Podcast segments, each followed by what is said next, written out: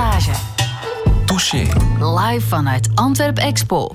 Ja, en het voelt een beetje vreemd aan. We zitten in een lege expohal in Antwerpen. In een normaal jaar loopt het hier vol mensen en staat het hier ook stamvol boeken. Niet zo in dit coronajaar. Maar daar hebben we een oplossing voor gevonden. De boeken en schrijvers die komen naar jou toe via Radio 1 en via VRT Nu. En op deze vreemde 1 november heb ik de meest warme gast die ik mij kan voorstellen. Uus Knops, goedemorgen. Goedemorgen. Welkom in Touché, psychiater en ook auteur van het boek Casper, waar ben je nu? Een uh, rouwboek. Een boek dat twee jaar geleden verscheen, maar waar nog altijd heel veel vraag naar is. Er is een herdruk.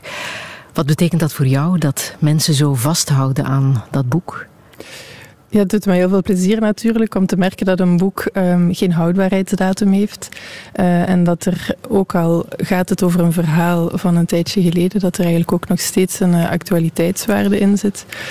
En ondanks het feit dat ik daar mijn hele persoonlijke verhaal in verteld heb, uh, dat ik blijkbaar ook geslaagd ben in het opzet om er een universeel verhaal van te maken. Een verhaal wat verschillende mensen raakt, die met heel veel verschillende soorten verlieservaringen uh, te maken kregen.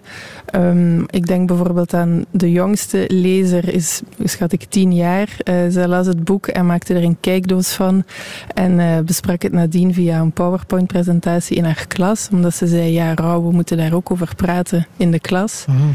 En recent kreeg ik een mail van, ik denk intussen dan mijn oudste lezer, die, was zowaar, of die is zowaar 87 jaar. Um, die herkende uh, veel elementen door een aantal verlieservaringen, onder andere het verlies van zijn moeder 75 jaar geleden. En die vroeg mij, mag ik uh, een citaat uit jouw boek gebruiken um, in de preek die ik geef met Allerheiligen? Uh, ik vraag jou ook graag de toestemming daarvoor, want nadien verschijnt mijn preek dan op preken.be. Dus kijk, een hele waaier aan um, gevolgen van zo'n boek. Ja, je bent door het boek ook wat uitgegroeid tot rouwexpert. Je had daar aanvankelijk een beetje schrik voor, hè, voor die titel. Ja, bij rouwexpert denk ik dan aan mensen die daar heel veel boeken over hebben gelezen en dag in dag uit omgaan uh, in therapeutische sessies met mensen met rouwproblemen. En ik wilde graag dat die titel voorbehouden bleef voor hen, mensen die uh, veel kennis hadden ter zake. En ik ben op dat vlak niet zo'n... Um, ik heb geen uh, grote opleidingen gedaan in rouw, dus ik vond dat een beetje moeilijk. Um, maar ik werd er gaandeweg op gewezen dat ik niet zoveel energie moest steken in het afschudden van die term. Um, en op mijn manier, misschien. Ja, voilà. Op mijn manier heb ik dan mijn expertise die ik meng met hoe ik in het leven sta, met de dingen die ik meemaak in het leven, met wat ik heb meegemaakt en hoe ik nu wel intussen lees en, en uh, meer in contact kom met rouw. Um, en ook geleidelijk aan merk ik eigenlijk hoeveel uh, schoonheid dat er ook in die wereld zit. Hoe fijne mensen dat er aan het werk zijn in de de rouwsector, um, die bezig zijn met afscheid, met op een andere manier afscheid nemen. Uh, en eigenlijk vind ik het best wel uh, fijn om uh, tot die groep te mogen behoren. Mm. Hoe zou jij jezelf omschrijven? Ja, ik denk, of ik hoop dat dat dan de moeilijkste vraag is van vandaag. Um, ik denk dat ik van mezelf kan zeggen dat ik op een bewuste en intense manier in het leven sta. Um, dat ik daarbij heel veel uh, voel, heel veel nadenk uh, en ook eigenlijk heel veel doe. En al die vele dingen uh, proberen combineren, dag in dag uit, is wel een hele zoektocht. Ik denk dat het woord zoektocht zeker wel uh, bij mij past. Um, een zoektocht naar meer kennis, naar meer verbinding ook. Um, ik hou van organiseren, van mensen samenbrengen, van een kruisbestuiving tussen verschillende sectoren. Ik heb altijd mijn studies, eh, klassieke studie geneeskunde, psychiatrie, gecombineerd met um, een, een groot interesse in uh, allerlei culturele zaken en, en hobby's en zo. Met als doel om van betekenis te kunnen zijn. Uh, mm -hmm. Betekenis in het hele kleine, in mijn, in mijn gezin, in, uh, um, in mijn familie, in mijn vriendenkring, maar ook naar de, ja, naar de aarde, naar de planeet, op die manier iets kunnen betekenen. Um, ja, dat zijn zo dingen waar ik dan aan denk. En ook zo dualiteiten die ik zelf ook maar kan vaststellen. Ik hou heel erg van mensen, van onder de mensen zijn, maar ik kan ook heel goed alleen zijn. ik hou heel erg van, um, van de warmte, van de zon, van op reis gaan naar de zon. Maar ik vind de herfst ook fantastisch om uh, dan terug te trekken. Toen ik jouw boek las, dacht ik, Us is ook iemand die bijzonder gevoelig is voor getallensymboliek, voor data. En welke betekenis dat je daar zelf kan aangeven. 1 november bijvoorbeeld, vandaag, is een dag waarop we onze doden herdenken. Maar voor jou is het op een andere manier nog een bijzondere dag, denk ik. Hè? Het is vandaag ook 15 jaar geleden dat Casper, jouw broer, vertrok op die bewuste reis naar Venezuela. Ja, absoluut. Heel bijzonder dat het uh, net vandaag is. Inderdaad, exact 15 jaar geleden. Um, en wat nadien een, ook een zin is geworden op onze ring of, op, uh, of in het boek. Eerst leek het voor even dat hij op reis vertrok en toen bleek het voor eeuwig te zijn. Mm, die ring, die heb je nu aan. Ja. Dat is een manier om aan Casper te denken. Ja. Om hem altijd bij jou te hebben. Ja. ja. Het is, uh, er staat een uh, zin in gegraveerd. Um, die ook op het doodsbrandje stond. En dus die ik ook net zei, eerst leek het voor even, toen bleek het voor eeuwig. En het is een, een ring die we in drievoud hebben laten maken en die mijn zussen uh, ook hebben.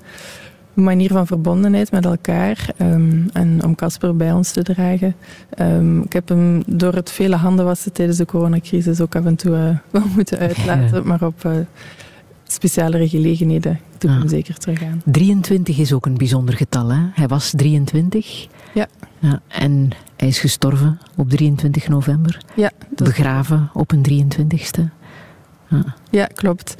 Ik had die, die gevoeligheid voor getallen voorheen niet zo. Ik ben eigenlijk zelfs helemaal niet goed in getallen. Ik kan zelfs de E14, E19, E17 dat allemaal niet goed uit elkaar houden.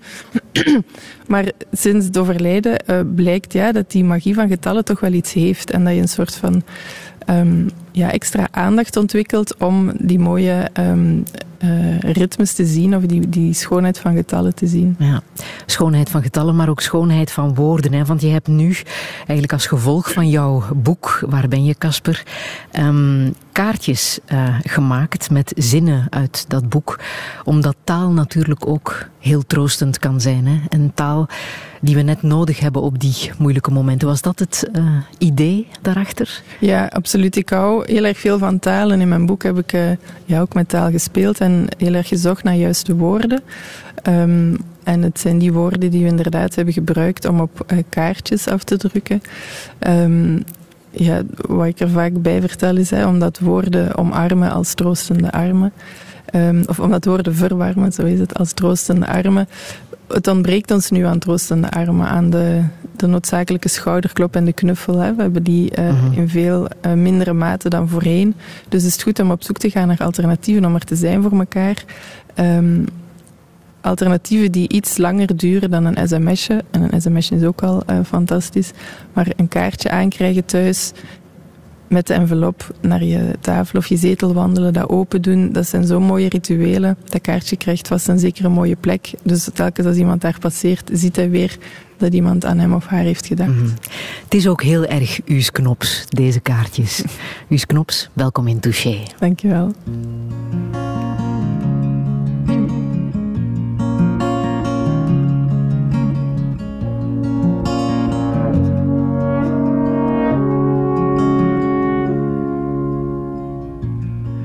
Kiss your mouth and swallow you whole.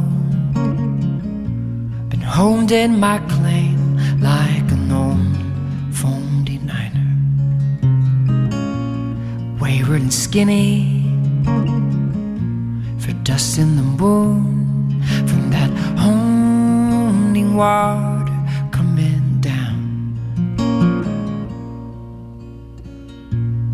Out of our way now, we're going for gold. Been holding our claim, just like phony niners. Out of the city and into this room from that holy water coming down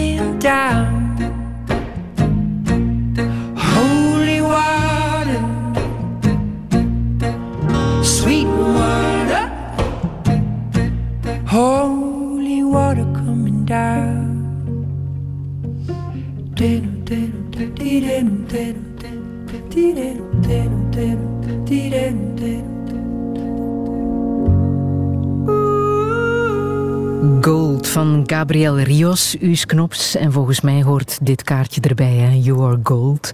Waaraan doet dit nummer jou denken? Ehm, ik heb dit nummer eh, laten spelen op het einde van de eh, lancering van mijn boek, twee jaar geleden.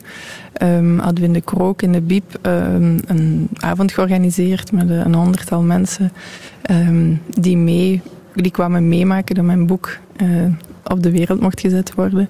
Een ontzettend intense avond. Er waren mensen die ik al heel lang niet meer had gezien, maar die toen heel eh, nabij waren. Er waren nieuwe vrienden, eh, oude vrienden, iets onbekendere mensen, maar allemaal heel erg verbonden en betrokken bij, bij mijzelf en bij Casper en bij het verhaal en dus bij ehm, heel mijn gezin.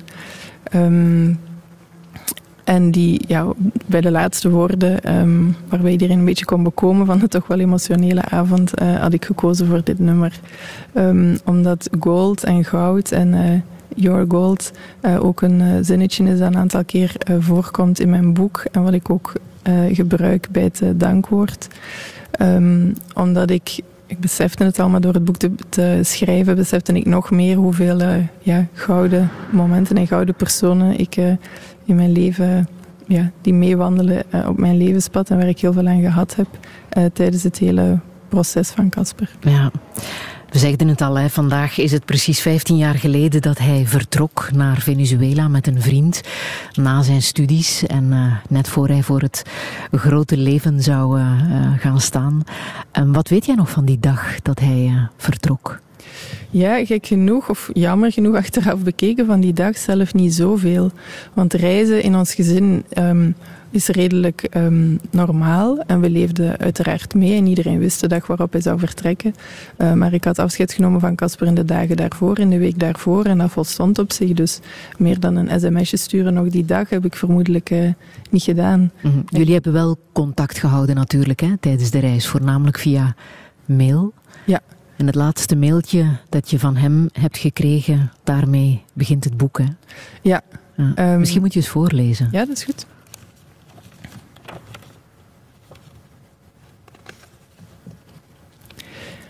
Hey Us, je bent mijn zus om tegen te zeuren en zagen.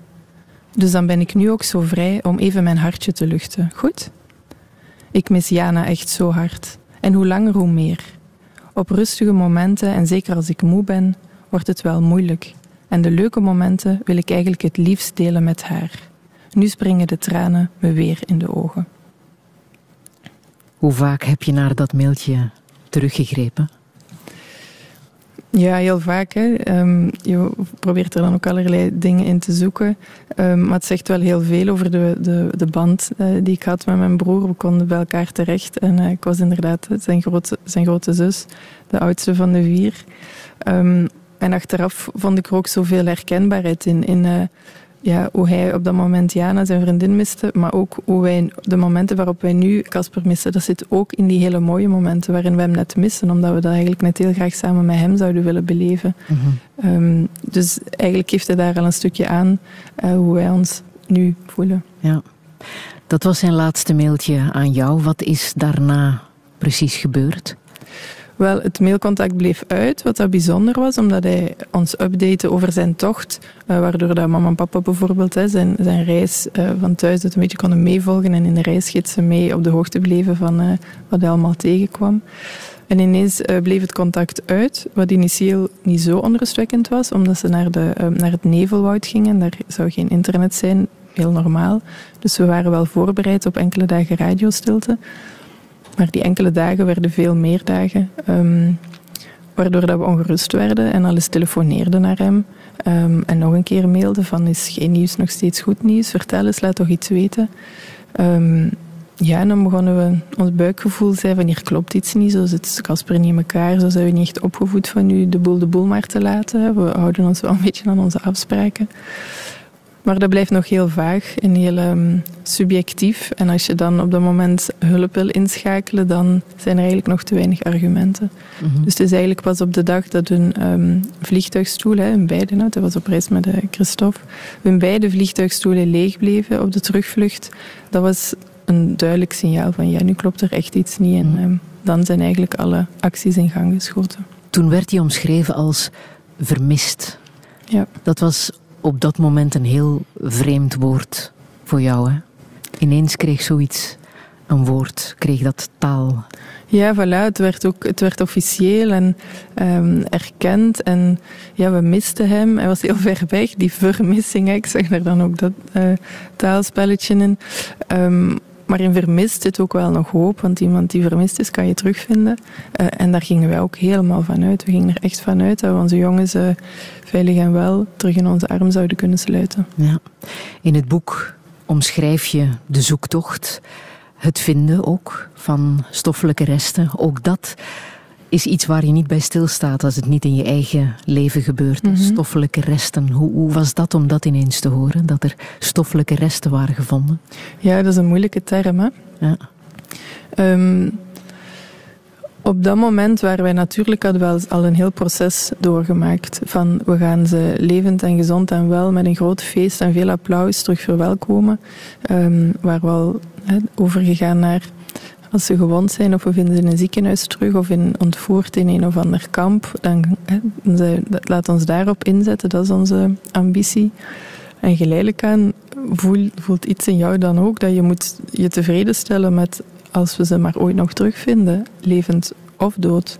Dus wij hielden op dat moment zeker al rekening met het feit dat we, hen, um, dat we hun dode lichamen aan het zoeken waren. Mm -hmm. um, wisselend, hè? dat is hoop en wanhoop die zich dan um, afwisselt. Maar dode lichamen, ja, ik moet daar een tekening bij maken. Die blijven natuurlijk niet intact. Uh, dus dan weet je ook dat daar een heel proces ondertussen bezig is. Um, maar toch waren we heel erg blij dat we en in die hoedanigheid als stoffelijke resten toch hebben gevonden en hebben kunnen overbrengen naar België. Ja, en dat je afscheid kon nemen. Dat dat ja, een soort bewijs was uh, dat jullie mochten afscheid nemen. Ja, hm. dat heeft heel lang geduurd. Dus tussen de, het overlijden um, en het vinden van de stoffelijke resten zit een half jaar. Dus een zoektocht van een half jaar. En dan um, moest er nog een DNA-analyse plaatsvinden. Dat heeft uh, een jaar geduurd. Inderdaad, dat heeft een jaar geduurd.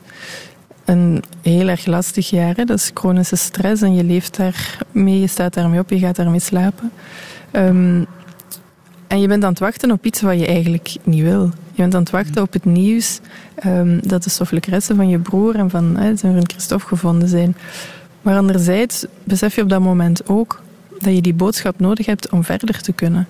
Uh, het is veel moeilijker. Um, moest er toen gezegd zijn, ja, het is toch het kadaver van een schaap of zoiets waar ik, ik in het begin zelfs op hoopte. Ehm, maar het feit dat ze gevonden zijn, uh, dat we bewijs hebben dat het Casper en Christophe zijn, dat ze dus overleden zijn, dat ze nu bij ons weer zijn. Toen ze overkwamen hebben we ze eerst nog in onze woonkamer thuis um, te rusten gelegd. En hebben we rond hen geslapen en, mensen uitgenodigd. En was Casper dicht bij ons. En nu ligt hij begraven op de begraafplaats van het dorp. Um, is een ontzettend belangrijke stap in ons rouwproces. Absoluut, dat realiseren we ons heel erg.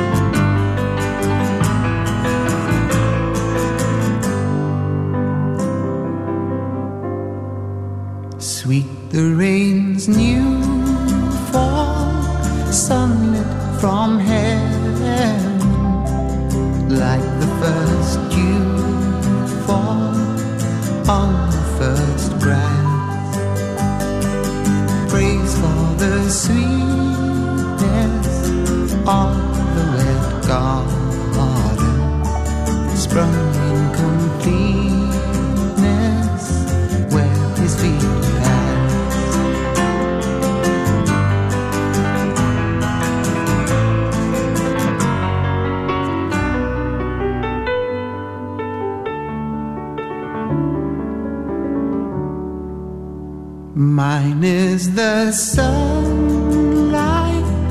mine is the morning, born of the one light Eden saw play. Praise with elation, praise every morning, God's recreation of the new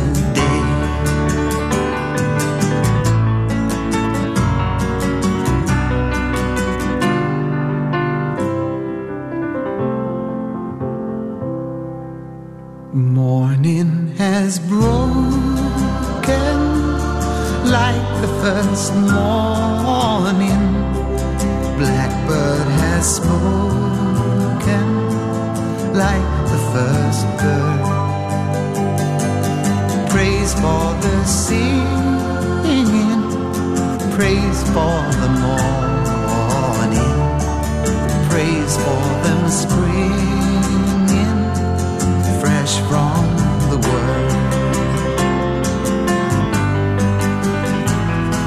Stevens met Morning Has Broken. U's Knops, het is een nummer met een uh, bijzondere herinnering. Hè? Welke precies? Ja, het doet me ontzettend denken aan mijn tijd van de jeugdbeweging. De gidsen, de meisjesgidsen, waar ik een tiental jaar denk ik uh, um, in zat. Um, en als we op kamp gingen, waren er een aantal tradities die we in de gidsen van Sint-Godelieve van Turnhout uh, in ere hielden. We shorden onze bedden zelf, we sliepen in zelf opgezette tenten, we shorden onze hudo, we aten het gamellen. Uh, en elke morgen werden we gewekt door dit nummer. Um, en wat zegt dit dat jij in de scout zat over de avontuurlijke manier waarop jullie zijn, uh, zijn opgevoed? Um, ja, papa en mama vonden het belangrijk dat onze blik ruim was uh, en dat we in onze hobby's ook verder keken dan onze eigen dorpsschool of, of stadsschool. Um, via de gidsen hebben we ja, eerst in België een aantal uh, kampen gedaan natuurlijk. Dat worden dan buitenlandse kampen.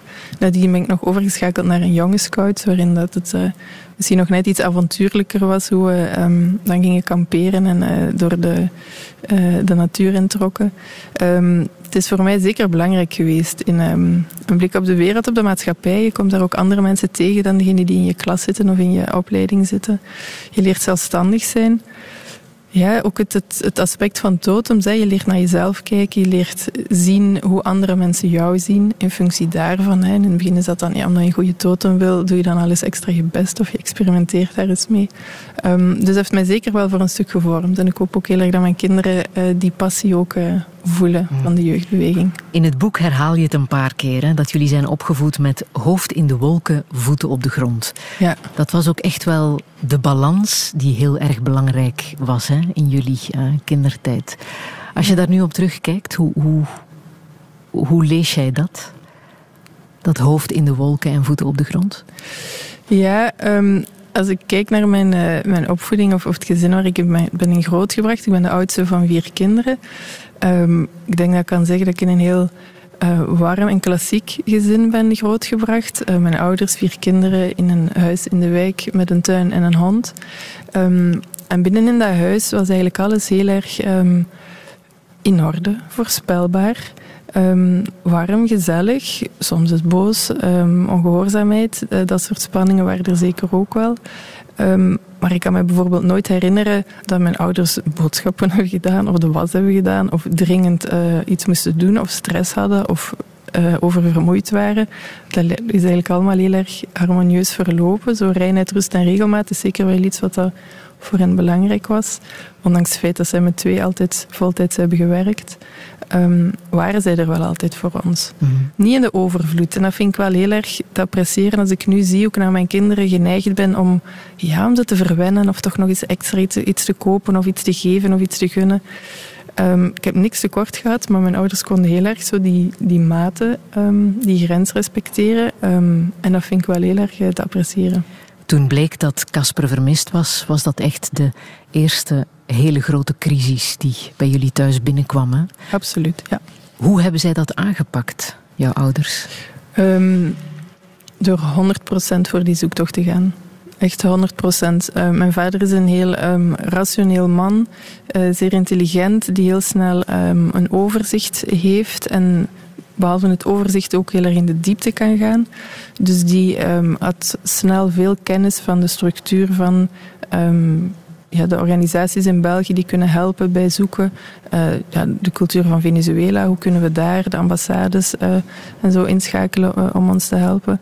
Papa is gestopt met werken en heeft zich vanaf dan als een lee voor zijn welp um, op de zoektocht gestort.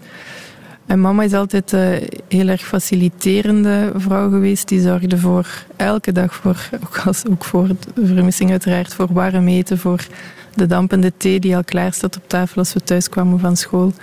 Um, en ondanks haar uh, hele grote ja, verdriet en pijn die in, in elke vezel van haar lijf uh, zat en zit, um, ja, is ze er blijven staan om, om voor papa te zorgen, voor ons te zorgen, om op die manier haar bijdrage te leveren aan, uh, aan het zoekproces.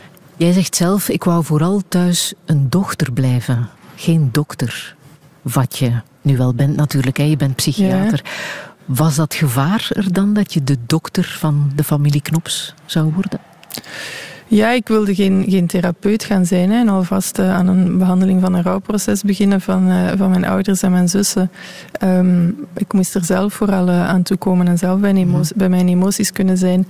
En sowieso als oudste dochter van, van het gezin denk ik, of, of ben ik dan wel zo degene met de verantwoordelijkheid en de flinkere en een beetje zo de typische, misschien um, karikaturale rol van een oudste. Um, en als je dan ook eens in de hulpverlening werkt, dan heb je de reflex om je ouders te gaan helpen en te ondersteunen en er te zijn voor hen. En dat heb ik zeker ook willen doen, maar niet op therapeutisch of professioneel vlak. Salvo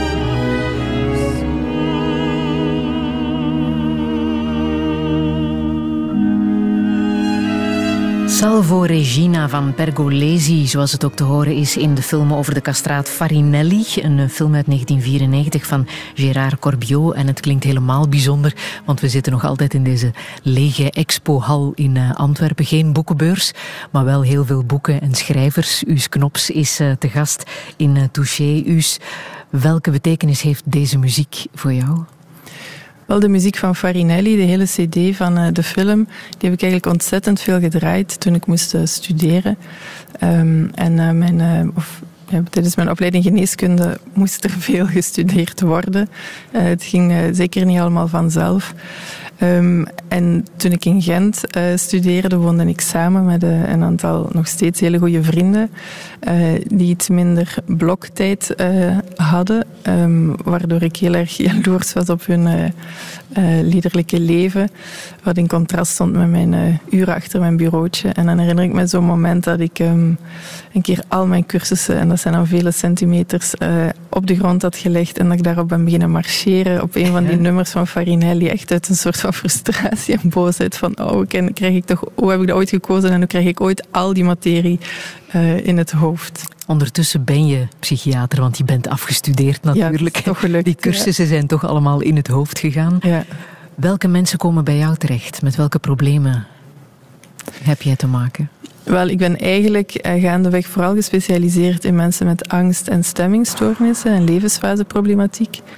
Um, maar gaandeweg heb ik daarin uh, een aantal bochten genomen. Ik ben, uh, toen ik afgestudeerd ben, ben ik uh, beginnen werken in Terneuzen. Ik kon daar een bediendenstatuut hebben in een ziekenhuis en dat leek mij um, overzichtelijk um, en ja, beheersbaar. En dat leek me toen een goede manier om mijn job uit te oefenen. Um, ik stond daar op een paas, een psychiatrische afdeling van een algemeen ziekenhuis. En dan krijg je een heleboel soorten mensen met soorten problemen in verschillende gradaties. Maar ook heel veel ja, agressie, ernstige problemen, problemen van de combinatie van uh, geestelijke gezondheid met somatische klachten. Um, en dat was toch wel heel erg pittig. Uh, en dan ben ik daar eigenlijk in een soort van uitputting terechtgekomen, ook gecombineerd met de slecht slapende kinderen uh, chronisch en dan een acute verhuis die op ons bord kwam. Um, en heb ik daar eigenlijk een burn-out opgelopen. Dat kan. Een psychiater kan een burn-out krijgen. Blijkbaar wel. Ja. Was dat moeilijk om dat te erkennen, om dat toe te geven? Ja, ik heb dat ook in het begin zeker geen burn-out genoemd. Um, ik was een, gewoon een beetje oververmoeid. Het was een beetje te veel geweest en ik zou een paar dagen slapen en dan kwam het wel goed. Um, maar het, zat toch allemaal, uh, het was toch allemaal een intensere ervaring uh, dan dat. En ik heb iets meer tijd nodig gehad. Um, interessante tijd ook wel. Het is een interessante tijd geweest waarin dat ik mezelf wel beter heb leren kennen. Waarin ik ook heb... Uh, ervaren dat ik heel mijn leven eigenlijk vooral mijn, mijn hoofd had uh, gevoed. En um, mijn lichaam eigenlijk meer uh, had gezien als het, het vehikel, als de kruiwagen die mijn hoofd maar overal uh, naartoe moest brengen. Uh, waardoor ik mijn lichaam eigenlijk heel lang verwaarloosd heb en daar niet goed voor gezorgd heb. En die ervaring is nu wel interessant, want dat is iets waar ik absoluut niet de enige in ben die dat meemaakt. Dus ik kan nu wel ook uit eigen ervaring spreken als ik mensen met een burn-out of een depressie behandel of adviezen geef. Mm. Maar het feit dat je die eerste burn-out niet helemaal ter harte hebt genomen, um, resulteerde in een tweede burn-out. Hè? Ja, ik had het idee dat ik toen wel veel deed. Ik was bij een coach gegaan, ik had leren delegeren. Um, ik was ook aan het lopen. Ik heb Mindful Run toen uh, ontdekt en ook zelf uh, mee aan de slag gegaan. Een andere manier om hardlopen te doen zonder prestatiegericht te zijn, maar veel meer te voelen. Um, dus ik ben met goede moed in dezelfde job gestapt.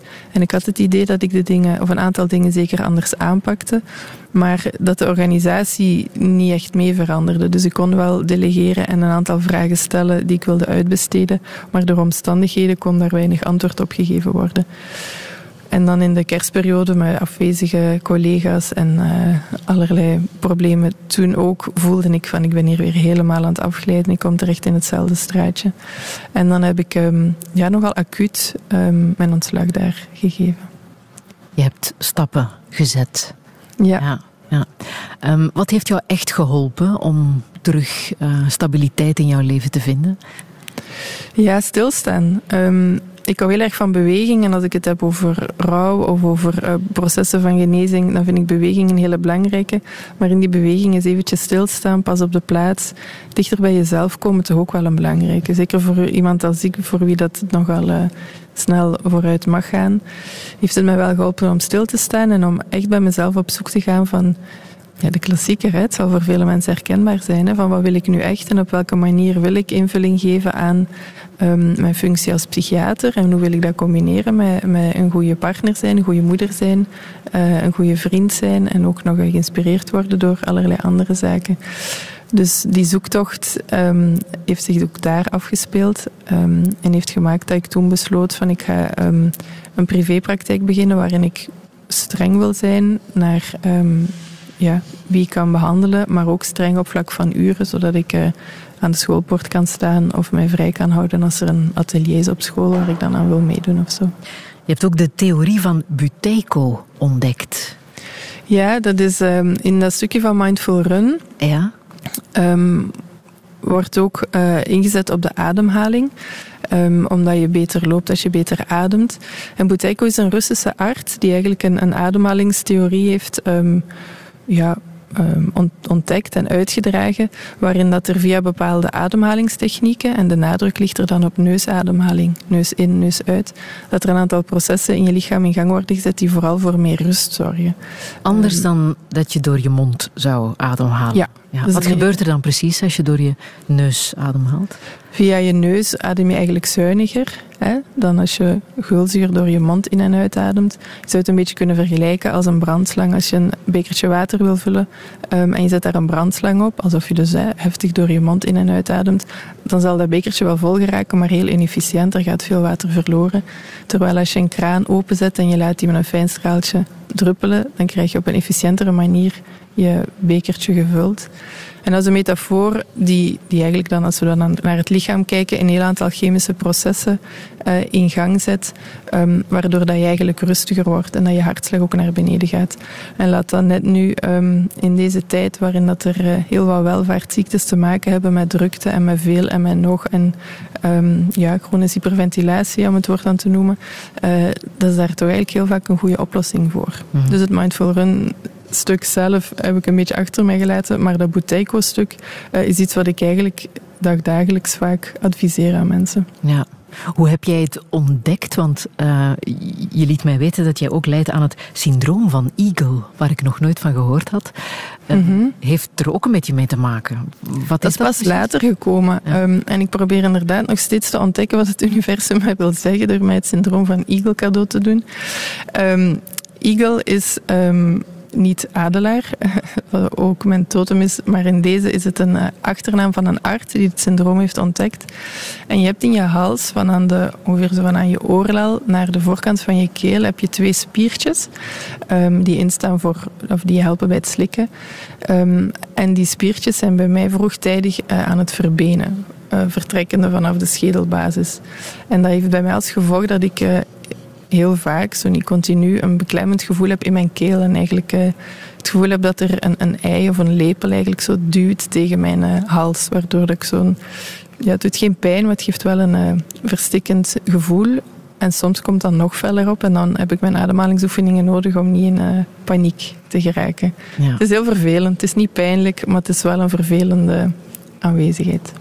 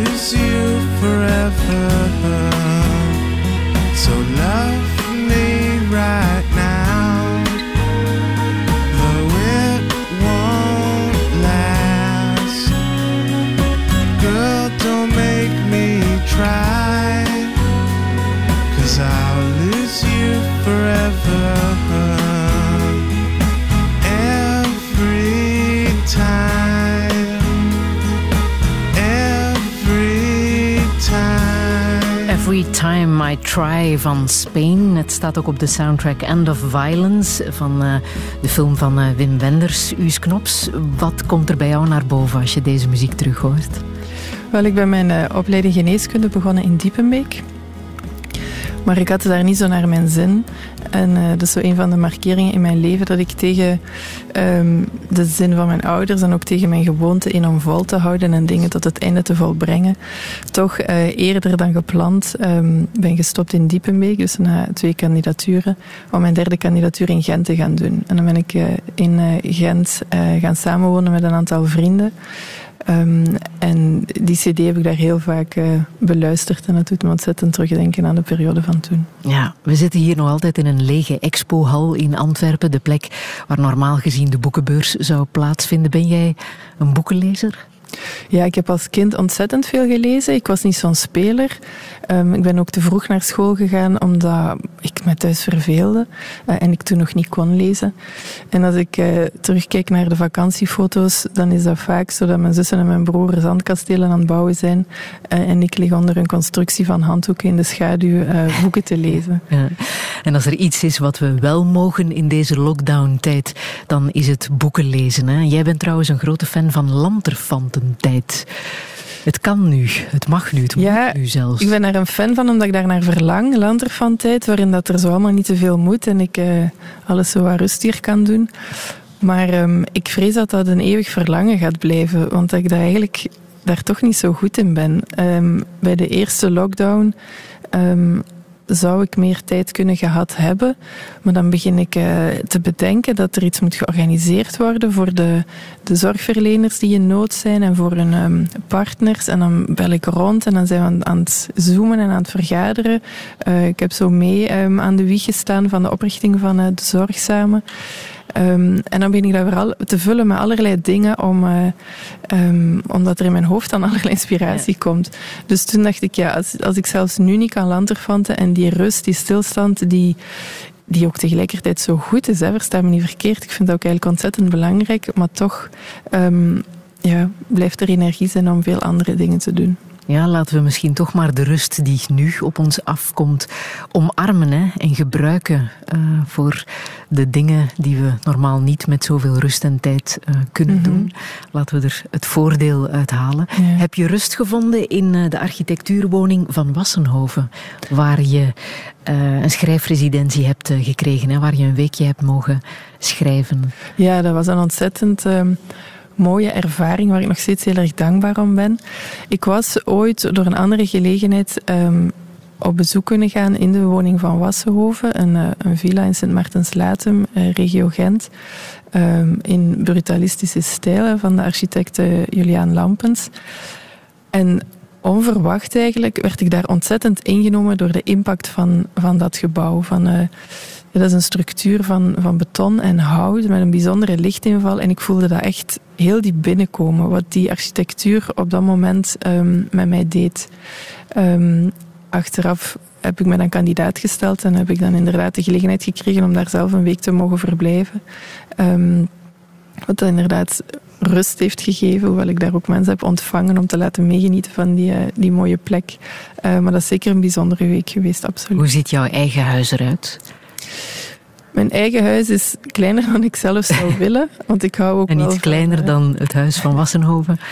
Uh, dat was eigenlijk niet zo groot, het huis van Wassenhoven. Want het was eigenlijk voor een, um, een single man uh, gemaakt. Ja, ja, ja. ja maar wel ja. heel veel doorlopende ruimtes. Um, ons huis is iets meer opgedeeld, maar ook wel met de doorlopende ruimtes. Um, ik hou heel erg van orde, maar ik kan niet zo goed weggooien. Dus ik zit dan zo wat gevrongen tussen um, ontspullen en dingen en ballast wegdoen en naar kringloopwinkels brengen, dat soort dingen. Maar tegelijkertijd hecht ik mij ook heel erg aan spullen en denk ik, ja, maar misschien later en wie weet nooit en knutselen en Hoe komt dat toch dat dat zo moeilijk is? Dat ontspullen? Ja.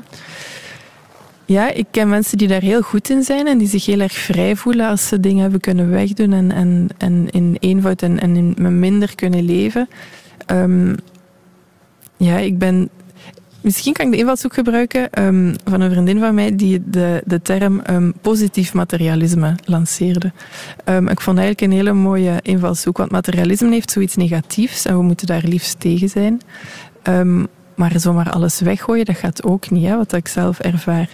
Dus dat positief materialisme op een positieve manier, emoties die gekoppeld zijn aan materiaal, daar toch iets mee doen en dan misschien aan hergebruiken of op een andere manier uh, daar naar kijken, dat vind ik dan wel een interessante invalshoek eigenlijk. Het is trouwens ook een uh, uitspraak van uh, de president van Uruguay in de documentaire film Human, ja. waar je nog even wou over praten. Ik laat muziek horen uit, uit die zeer bijzondere documentaire film hè, van uh, Jan Artus uh, Bertrand ja. van een vijftal jaar geleden.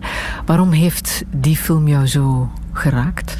Ja, ik vond dat een, een ongelooflijke um, combinatie. Het is een film waarin dat er een heleboel gezichten worden getoond, één per één met een zwarte achtergrond, van, als ik me niet vergis, een zestigtal verschillende landen, waarin mensen hele persoonlijke, kwetsbare um, dingen vertellen over hun leven, over liefde, seksualiteit, geloof, uh, vergeving.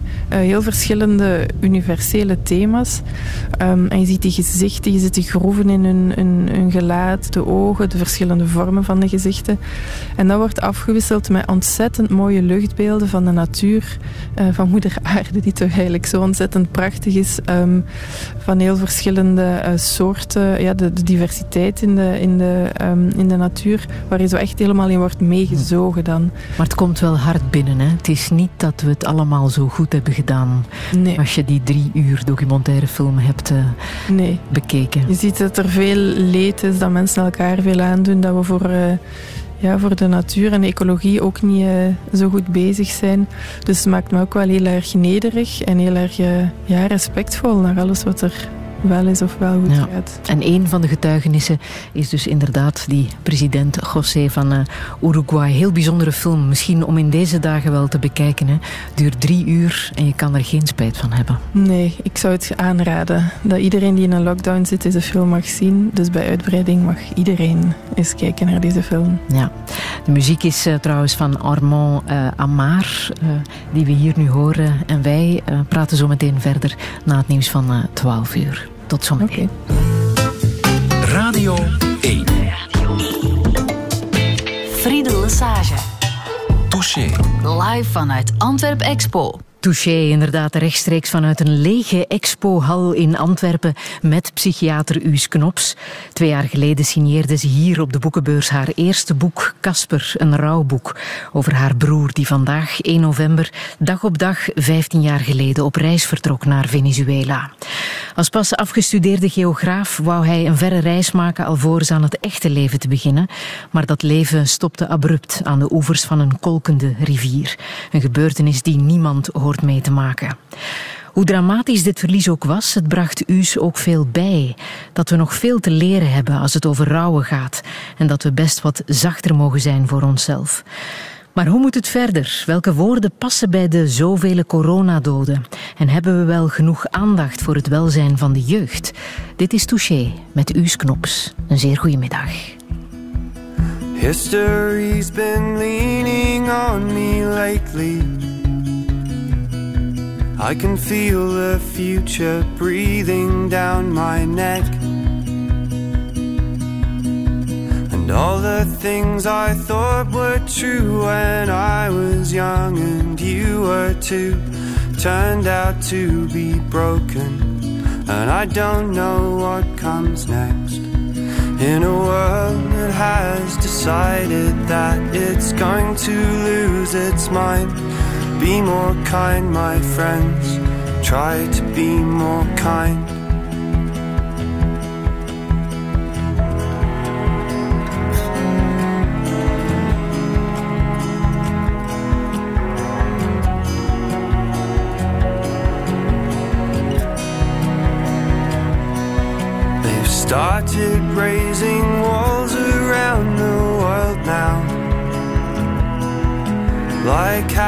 Raised upon a cornered cat. On the borders in our heads between the things that can and can't be said, we stop talking to each other. And there's something wrong with that. So before you go out searching, don't decide what you will find. Be more kind, my friends. Try to be more kind. You should know.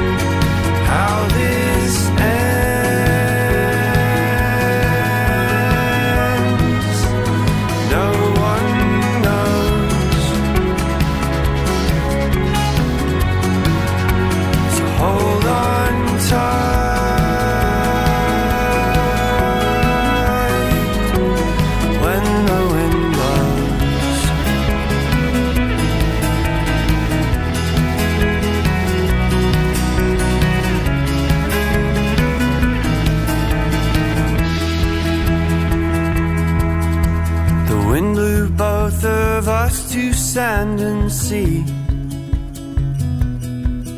And where the dry line stands is hard to say.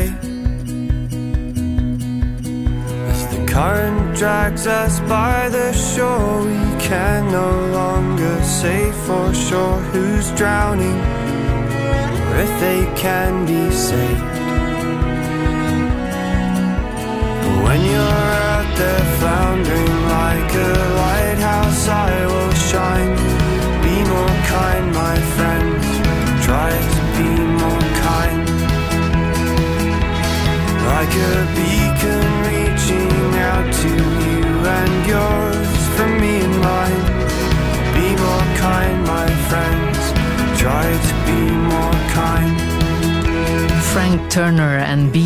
Kind. Uw knops, een beter nummer kunnen we op dit moment niet laten horen, denk ik. Hè? Waarom wou jij het laten horen?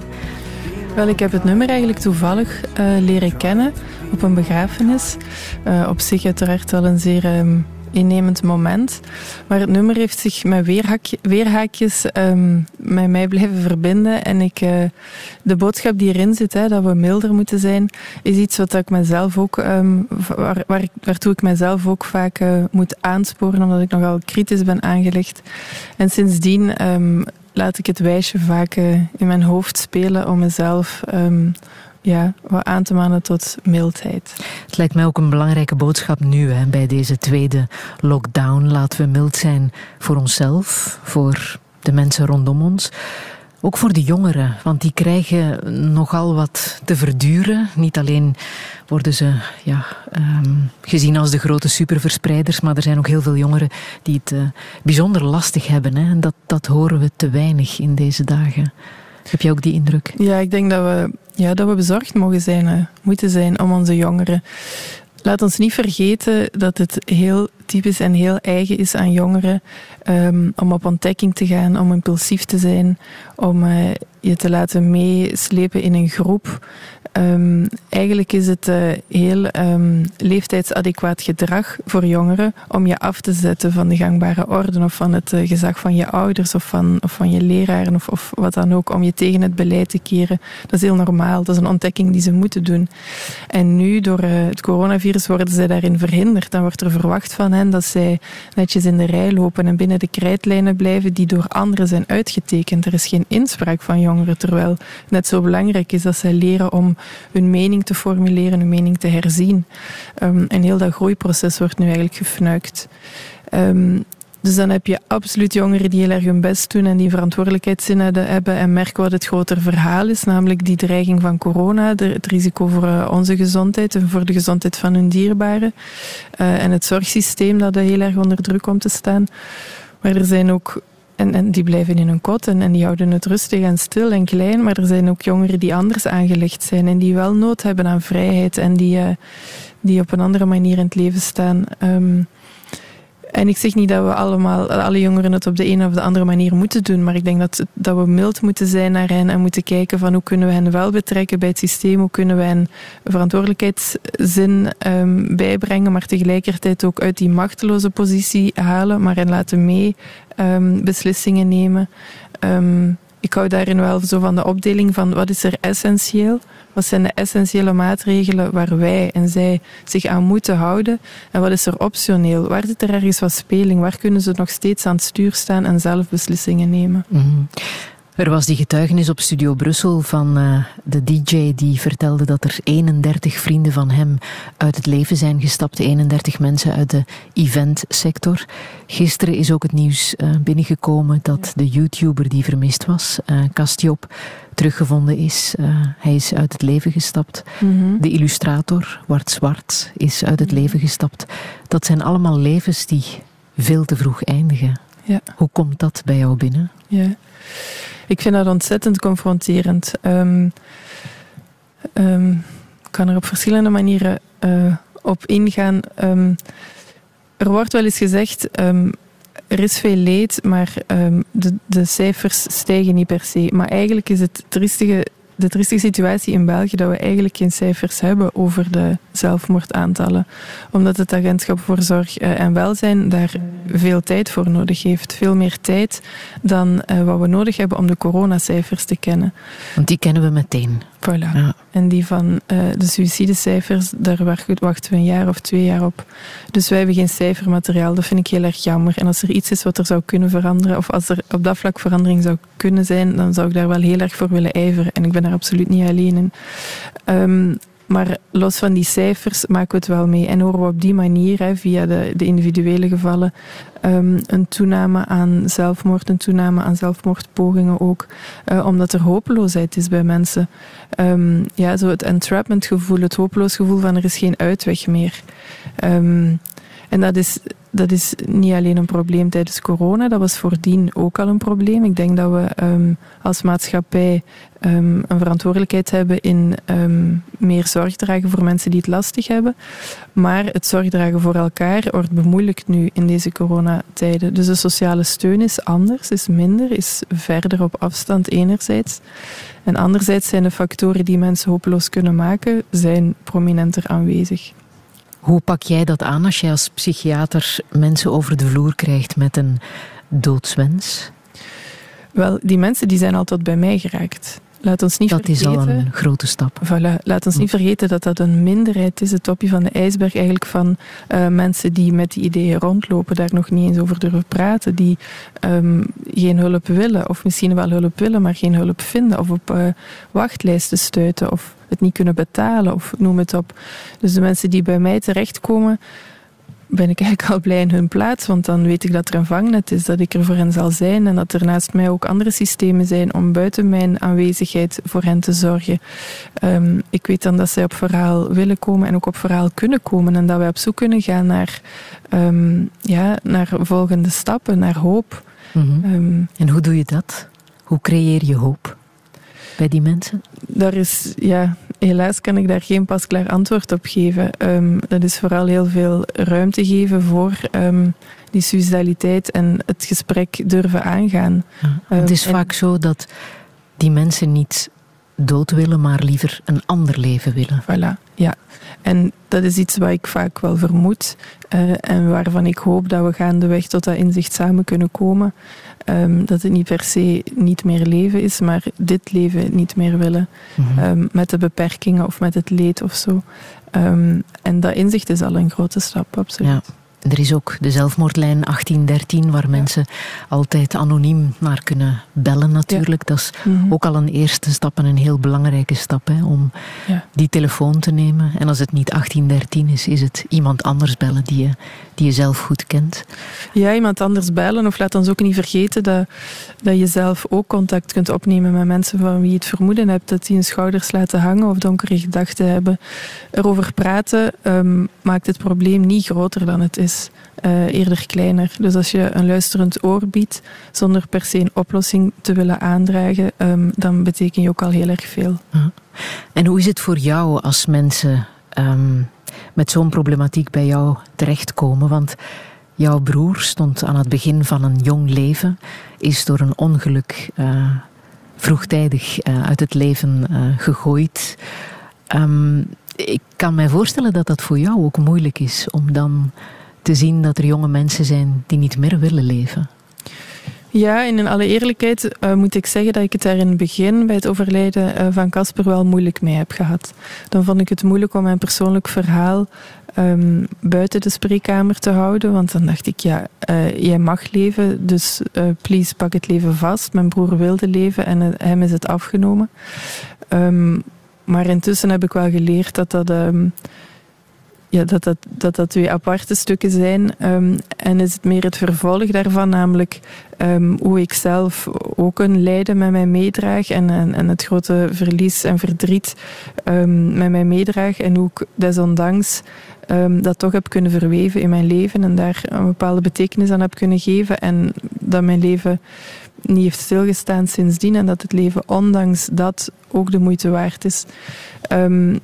En dat is een boodschap die ik daardoor heel erg vanuit mezelf wel kan uitdragen. Um, dus ik, ik, gebruik die ervaring nu onbewust meer, denk ik, om, om empathischer te kunnen zijn voor verlieservaring van andere mensen.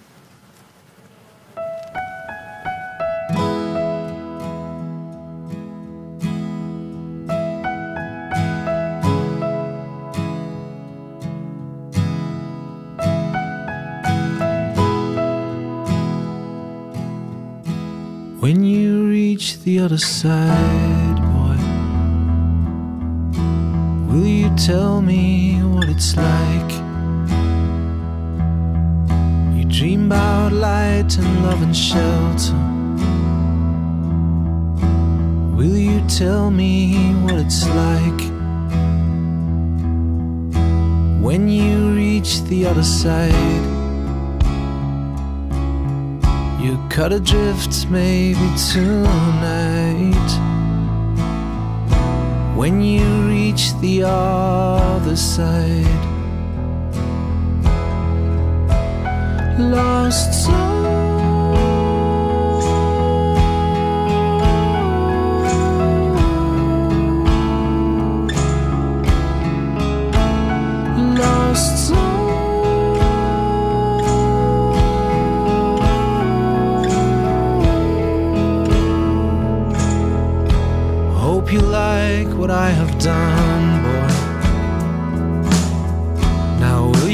Find some peace of mind? And when you see us from a distance, will you tell me what it's like when you reach the other side? Will things be better when you hide on the other side? Lost soul.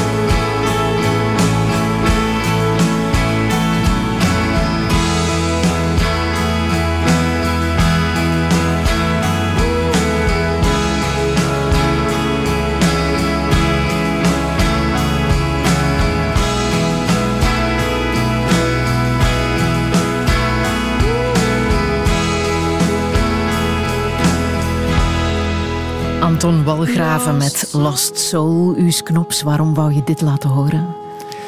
Dit nummer hebben we op de begrafenis van Casper laten horen. Ehm, ik vind het nog steeds een prachtig nummer dat me nog steeds kan ontroeren. Ehm, ja, en het doet me wel terugdenken aan de begrafenis zelf. Een moment waar we niet naar uitkeken, maar natuurlijk ook wel naar uitkeken. eh, omdat het moest gebeuren.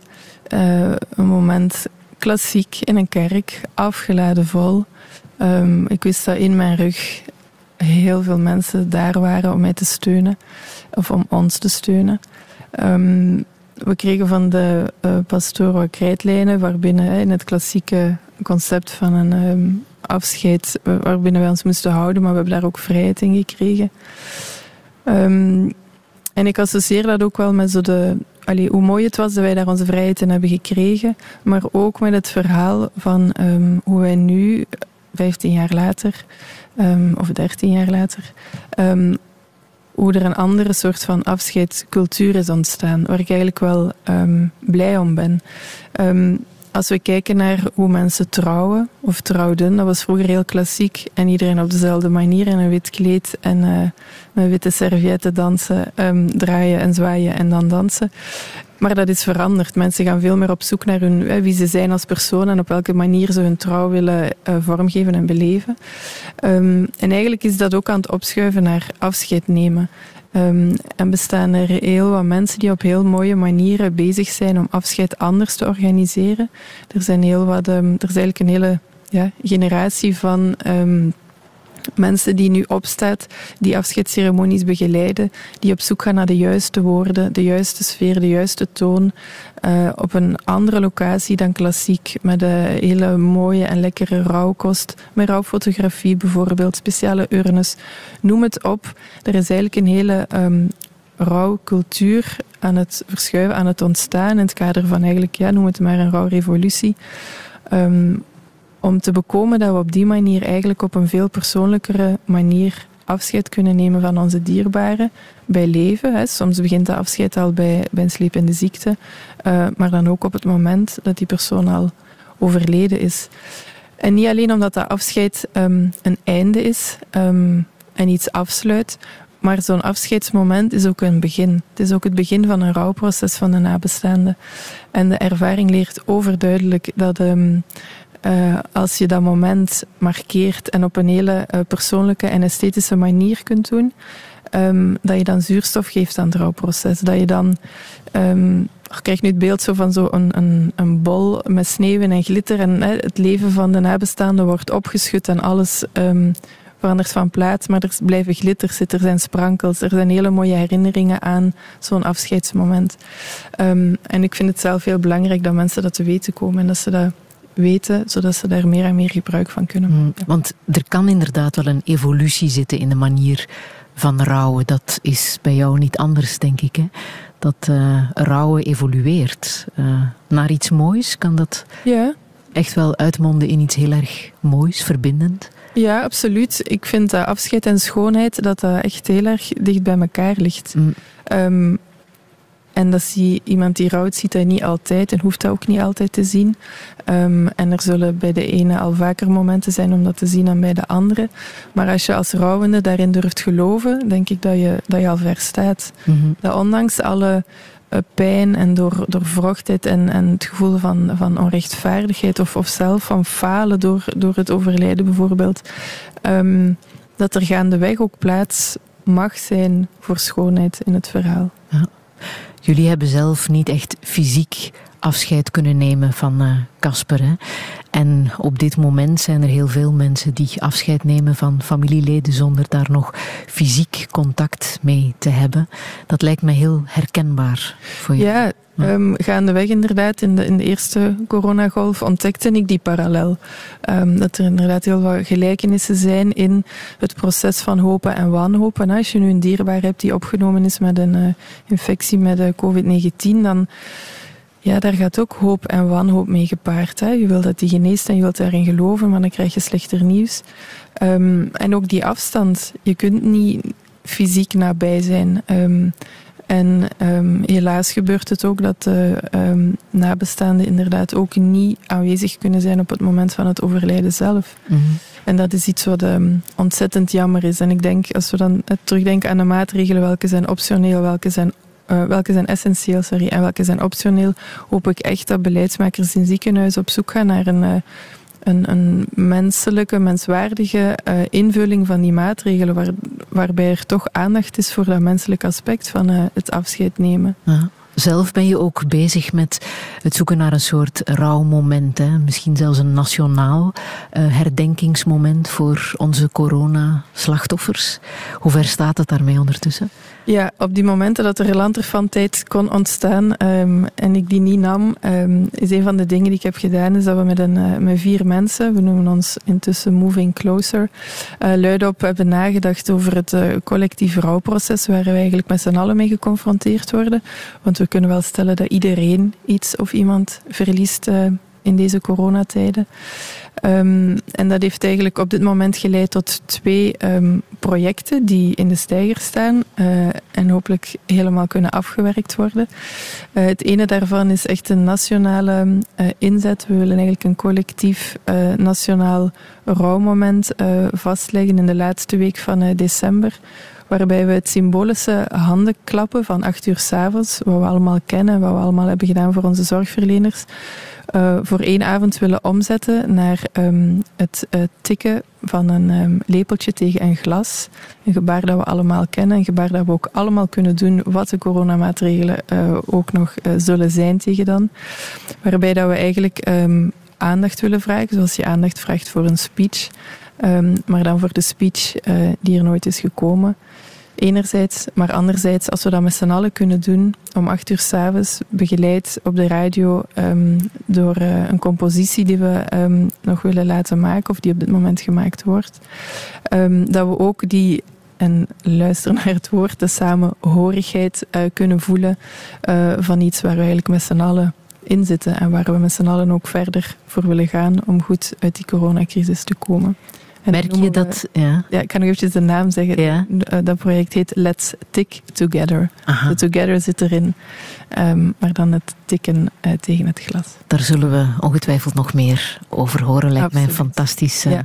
initiatief. Merk je ook dat door deze periode het belang van afscheid ook veel groter is geworden? Dat mensen meer beseffen hoe belangrijk het is om op een juiste manier afscheid te kunnen nemen?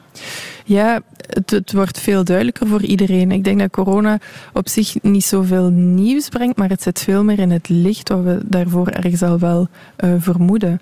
Hè, Een afscheid nemen, eh, samen zijn met elkaar, is daar een heel belangrijk aspect van. En mijn tweede project waar ik ontzettend hard mee bezig ben geweest de laatste maanden, heeft daar ook iets mee te maken. We willen namelijk ehm, verspreid over het land een aantal eh, herdenkingscirkels, coronacirkels, eh, oprichten. En voor deze gelegenheid hebben we daar ook een, nieuwe naam voor bedacht. We noemen ze onumenten. Dus geen monumenten, wat iets massiefs en, en geblokt in zich heeft, maar iets eleganter, de onumenten. Met de cirkelvorm als eerste letter. Waarbij dat we een cirkelvorm willen laten ontwerpen door eh, Bas Smets, een bekende ehm, landschapsarchitect. Ehm, op verschillende plaatsen in het land. De cirkelvorm is, het, is de constante, ehm, maar de bedoeling is dat het een participatief proces wordt waarbij dat de, het dorp of de stad waar het gaat komen mee beslist of het nu eh, op het marktplein moet komen of in het eh, lokale bos of in eh, de natuur van de omgeving. Zodat er eigenlijk een soort van familie aan cirkels ontstaat waarbij dat er een stuk DNA hetzelfde is, maar ook eh, elke cirkel zijn eigenheid heeft en past binnen de plek waar hij ehm, terechtkomt. Om op die manier een plek te hebben, een monument te hebben om stil te staan bij het verlies. ehm, dat nu wordt geleden, maar in de toekomst kan dat ook een plek zijn om, ja, misschien voor jongeren, om af te spreken en op afstand wel met elkaar te kunnen praten. eh, of andere afscheidsrituelen daar te kunnen laten plaatsvinden.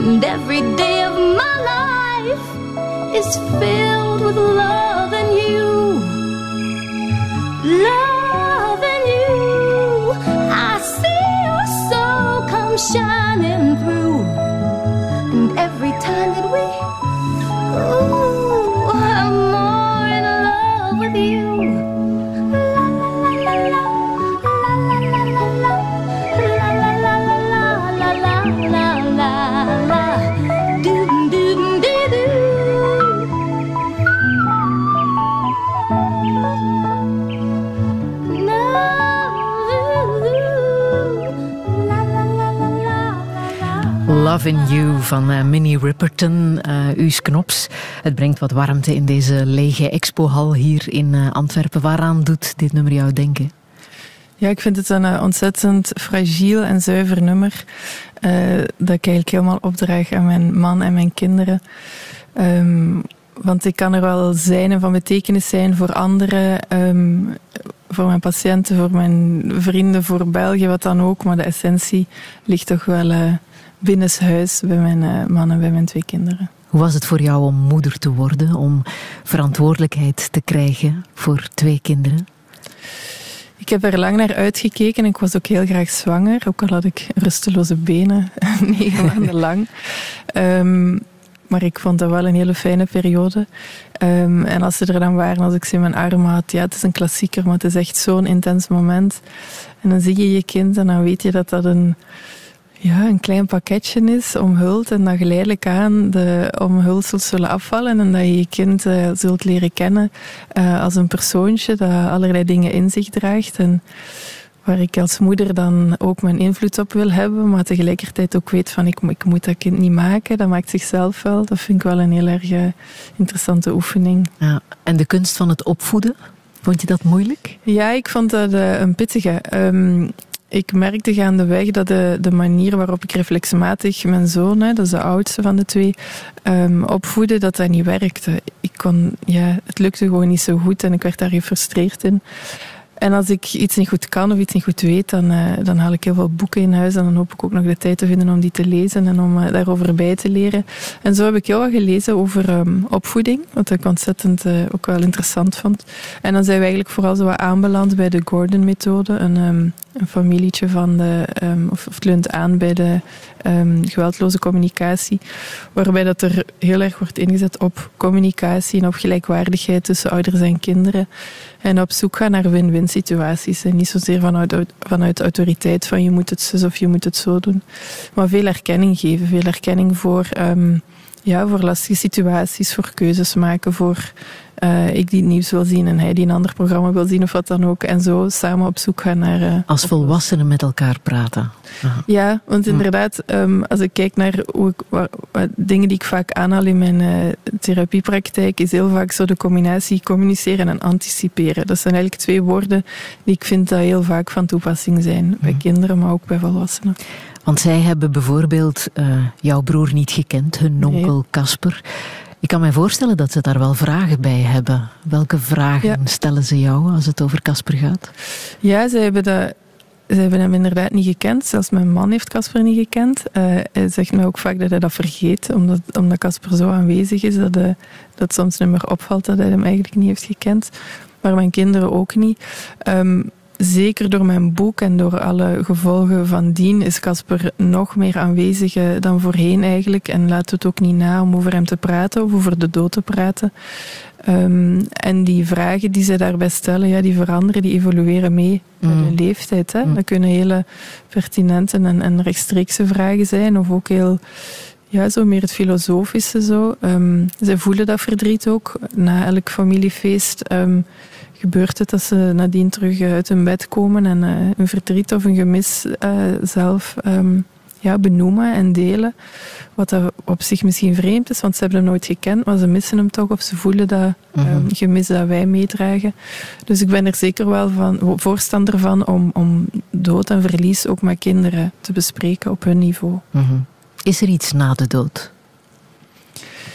Dat is een vraag waarop ik afgelopen ja, jaren al heel verschillende antwoorden heb bedacht. En ik heb besloten dat ik mezelf de vrijheid gun om, uh, om, ja, om die verandering toe te laten. En om, om, om mijn ideeën over de dood en over wat er is na de dood, um, om dat wat te laten mee evolueren met de manier waarop ik er op dat moment naar kijk of de manier waarop ik uh, in het leven sta. Het heeft jou natuurlijk wel veranderd. Hè? Kan jij zeggen wat je verloren bent samen met het verlies van Casper? Ja, um, misschien kan ik dat vertellen aan de hand van die, die slogan. Als, um, als uh, papa en mama ons steunden tijdens de examens en de blok en zo, uh, dan schreven ze kaartjes of ondertekenden ze hun mails altijd met groet, hou moed, alles komt goed. En ik heb moeten ervaren dat niet alles goed komt. Ehm, dus ik ben dat soort ehm, eh, eeuwig optimisme wel kwijtgespeeld. Het vertrouwen in de goede afloop. Ja. In de, in de als vanzelf eh goede afloop. Maar in ruil heb ik wel het vertrouwen gekregen dat ehm, als je groeit en moed houdt, dat, het, ehm, dat wat er komt, dat dat ook goed genoeg kan zijn. Ja. Ehm, en dat we met goed genoeg ook verder komen. De sociale banden, vriendschap, eh, zijn ontzettend belangrijk geworden voor jou. Hè? Kan je zeggen wat dat voor jou betekent, vriendschap? Ja, ehm, ik hecht heel veel waarde aan vriendschap. Ik investeer zelf ook heel graag en gemakkelijk eh, in vrienden. Ehm, de kritische, eh, het kritische stukje van mezelf is dan het gevaar. eh, daarin ligt het gevaar dat ik ook van hen allerlei dingen verwacht, terwijl zij misschien op een andere manier in het leven staan. Dus dat is wel een, een oefening. Ehm, maar ik ben wel heel erg dankbaar met de, de vriendschappen die ik heb. Dat zijn vaak hele lange vriendschappen, mensen die ik al heel lang ken, uit heel verschillende hoeken. Ehm, en ik voel daarin dat zij elk op hun eigen manier eh, vriend voor mij zijn. eh, en aanwezig zijn op de voorgrond of op de achtergrond. Ehm, waarbij dat ik het durf het volste vertrouwen hebben dat ze er zullen zijn als ik ze ook echt nodig heb. Ehm, dat ik daar allee, dat daar van, vanuit mijn kant kan zijn, dat ik naar hen toestap, of andersom, dat zij naar mij toestappen. Ehm, ja, dat ze er zijn. Ah. 40 worden heb je gevierd, hè? Ja, Die vier in 40, dat- Mhm. dat moest je vieren. ja. Met je vrienden. Ja.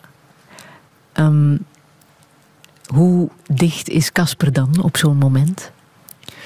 Ehm, die is er dan ook heel erg bij natuurlijk. Ehm, hij, heeft, hij zal nooit meemaken dat hij 40 wordt. Eh, die mijlpaal van mij heeft hij ook niet meegemaakt. Ehm, en 40 worden is voor mij ook zo'n moment om, om terug te blikken en eh, ja, de balans een beetje op te maken. Ehm, en dan te merken hoe het verlies van Casper een deel is geworden eh, van wie ik ben. Hoe ik eh, ja, als je je leven ziet als een vlechtwerk met alle factoren die zich als, als draden en garen eh, aandienen en waar je mee vlecht en verbeeft, is het gemis van Casper ook een stevige streng daarin die, ehm, die zijn plaats heeft gekregen. Die Mhm. verweven is in, in wie ik nu ben, in, in het leven dat ik nu leid, ehm, in de schoonheid die daardoor ook is eh, ontstaan. Wat zou je hem nog willen zeggen als dat kon? Ehm, wat zou ik hem nog willen zeggen? Dat het voor ons ja, goed genoeg is eh, gebleken. Dat, we, dat hij zich geen zorgen moet maken over ons. Dat wij het heel erg jammer vinden dat hij zijn leven niet meer heeft kunnen verder zetten. En eh, eh, zijn beloftevolle leven niet heeft kunnen eh, beleven op de manier die hij wou. Ehm, maar dat hij zich eh, om ons niet te veel zorgen moet maken. Ik vond het heel aangrijpend in jouw boek, Casper een rouwboek, ehm, wat jouw vader zei toen hij naar de plek reisde waar de reis van Casper is geëindigd. Hè? Mhm. Plekje aan de rivier in Venezuela. Daar heeft jouw vader gezegd: Ik had net hetzelfde gedaan. Ik had hier ook mijn tentje opgeslagen en genoten van dat mooie natuurbeeld, Ja. kabbelende beekje. Wat een prachtige manier om los te laten ook. Ja, ehm, ik vind het heel fijn dat wij allemaal eigenlijk ehm, geen boosheid voelen. Ehm, Casper is op, op, een, op een reis vertrokken op, eh, die had moeten maken. Hij heeft dat op een verantwoorde manier eh, aangepakt. Hij, heeft, eh, eh, is niet roekeloos geweest. Hij heeft zijn tent opgeslagen op een supermooie plek. We, zijn, we kunnen niet boos op hem zijn. Hij heeft geen domme dingen gedaan. Heeft, er is hem iets overkomen. Ehm, en als je een aantal dingen kunt accepteren ehm, in een rouwproces, dan, allee, hoe ik er naar kijk, is dat acceptatie een belangrijk stuk is in zo'n rouwproces. En ehm, ja, accepteren versus activeren. En sommige dingen moet je actief zijn en moet je op zoek gaan naar vragen, naar antwoorden, naar manieren om het te verwerken. Maar er zit ook een belangrijk stuk in accepteren. En als dat zonder boosheid kan, ehm, dan sta je wel een stap verder. Mhm. Over jouw vader gesproken. Dit is voor hem, hè? Ja, voor hem.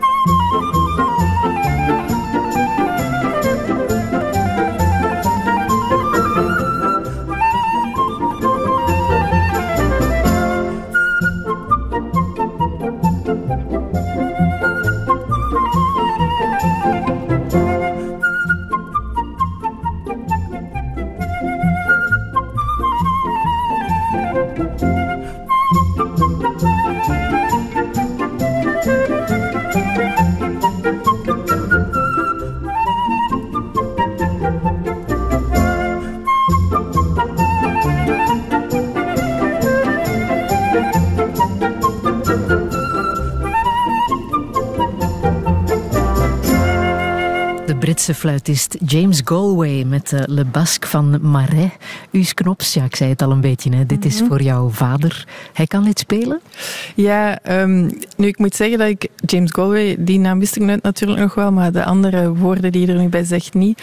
Dus ik belde hem op eh, eh, deze week en dan, ik heb dan dit nummer zitten nazingen ehm, om aan hem te vragen van wie is die eh, uitvoering, vertel eens. Eh, en hij wist het onmiddellijk. Ehm, ja, het is een van mijn eh, ja, favoriete jeugdherinneringen, zo'n huiselijk tafereel. We speelden allemaal muziek en papa speelde dwarsfluit. En dan legde hij zo'n ja, klassieke LP op. en dan stond hij voor zijn houten statief met de partituren. En dan speelde hij dit mee. En dan ging die dwarsfluit zo alle kanten op. En mama die stond dan ongetwijfeld te koken en lekker eten te maken. En wij waren aan het spelen en aan het genieten van eh, de gezelligheid. Ja. Je bent 44 ondertussen? Nog niet. nog net niet 43. Wat zou je echt nog willen in het leven? Ehm, ik wil heel veel nog in het leven, maar ook daar mogen we milderen en minderen, denk ik. Eh, mijn grootste wens is dat ik mijn kinderen kan zien opgroeien als eh, ja, mensen met mooie waarden die gelukkig kunnen zijn en op hun manier het geluk kunnen vastpakken in het leven dat, dat ze tegenkomen. Ehm, verder vind ik het ook belangrijk om van betekenis te zijn in psychiatrie en zou ik graag mijn bijdrage willen leveren aan een betere organisatie van de geestelijke gezondheidszorg. En ik zou heel graag ook iets creatiefs wat verder willen uitbouwen, om wat minder in mijn hoofd te zitten en wat meer eh, met creativiteit en schoonheid ehm, bezig te zijn. Ehm, En op welke manier mag dat dan zijn? Ja, ik denk dan aan tekenen en, eh, of, of collage, dat soort dingen. Een beetje op die manier met schoonheid en esthetiek bezig zijn. Dingen die ik graag doe. Ook in mijn huis ben ik graag bezig met gezelligheid en, en stijlvolle mooie dingetjes. Ehm, maar tekenen vind ik wel heel fijn. En ik heb al eens een tekencursus gevolgd. En eh, zo'n avond ging ik eh, leren bloemen tekenen. En het ging niet, want het was niet mooi genoeg en niet goed genoeg. Tot als eh, de juf zei van... En de volgende opdracht is dat je dit boeket moet natekenen. Maar je mag je pen of je potlood niet opheffen. En dat was voor mij zo het codewoord. Want daardoor mocht het zo wat ruwer en wat slordiger en eh, incorrect zijn. En dat vond ik echt een heerlijke manier. Dus dat doe ik nu nog wel soms. En daar raad ik mensen ook aan van... eh, Zet je naast een boeket bloemen of een, ehm, of een plant en probeer dat zo eens na te tekenen zonder je pen op te heffen. Ehm, en in die imperfectie zit dan eigenlijk zoveel schoonheid. Boeken maken ga je ook nog doen, hè?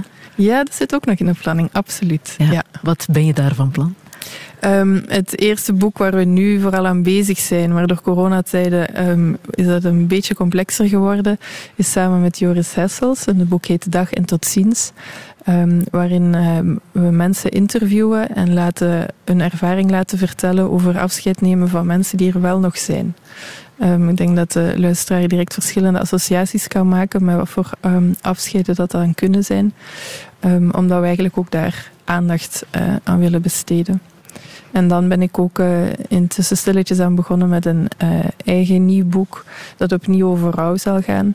Um, ditmaal zonder het verhaal van Casper, maar waarin ik eigenlijk ja, de brede manier van, of de brede kijk die ik heb um, met naar het leven te kijken, uh, de ervaringen van de afgelopen twee jaar op vlak van afscheid en rouw, eigenlijk integreer en daar mijn eigen um, visie over geef.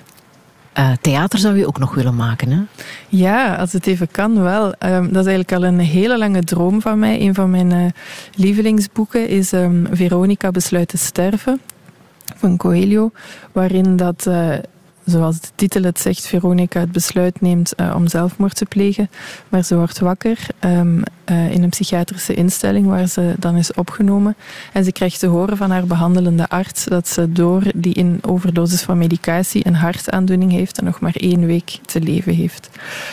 Ik denk dat ik op zich daarmee al genoeg vertel over het hele boek, maar het is echt een heel interessante ja, denkpiste. Um, en ik denk dat daar een toneelstuk van gemaakt moet worden. Mm. We hebben hier een anderhalve meter boekenplank. Um, ja. En u, ik zou willen vragen om jouw boek uh, te signeren, daar een boodschap in te schrijven, ja. voor de luisteraar die volgende week die anderhalve meter boekenplank mee naar huis mag nemen. Wow. Welke boodschap wil jij in jouw boek schrijven? Um, welke boodschap wil ik schrijven? Ik denk wat dat er vandaag al vooral aan bod is gekomen, is een, een suggestie, een oproep naar iedereen. En dus ook voor het boek is, laat ons met z'n allen wat minderen en wat milderen. Ik denk dat we daar allemaal in deze tijden heel ver mee zouden komen. Ehm, en verder hoop ik eh, dat de, de krijger en dus de lezer van mijn boek ehm, eh, ja, hoop eh, en troost kan vinden en erkenning in het lezen van mijn boek. Een ehm, ervaring die misschien nu nuttig kan zijn, ofwel later. Het eerste boek op die anderhalve meter boekenplank. Volgende zondag dus gaat heel die plank eh, de deur uit. Wij willen natuurlijk bewijzen op tafel, dus we vragen als je wil meedingen naar die anderhalve boekenplank, stuur ons een foto, deel ons op welke manier dat je ons boekenfeest volgt en doe dat met hashtag boekenfeest. Ik heb nog één plaatje, een vakantieplaatje, Holiday van Vampire Weekend. Schitterend. Om de herfstvakantie in te luiden, Ja. officieel dan? Wij, hadden het, eh, wij hebben het opgelegd tijdens eh, een vakantie in de zon toen onze dochter nog eh, heel jong was. En telkens als wij het opzetten moest iedereen stoppen met wat hij deed en moest hij beginnen dansen. Dus Kunnen we nu ook doen? herfstvakantie ook maar doen. Voilà.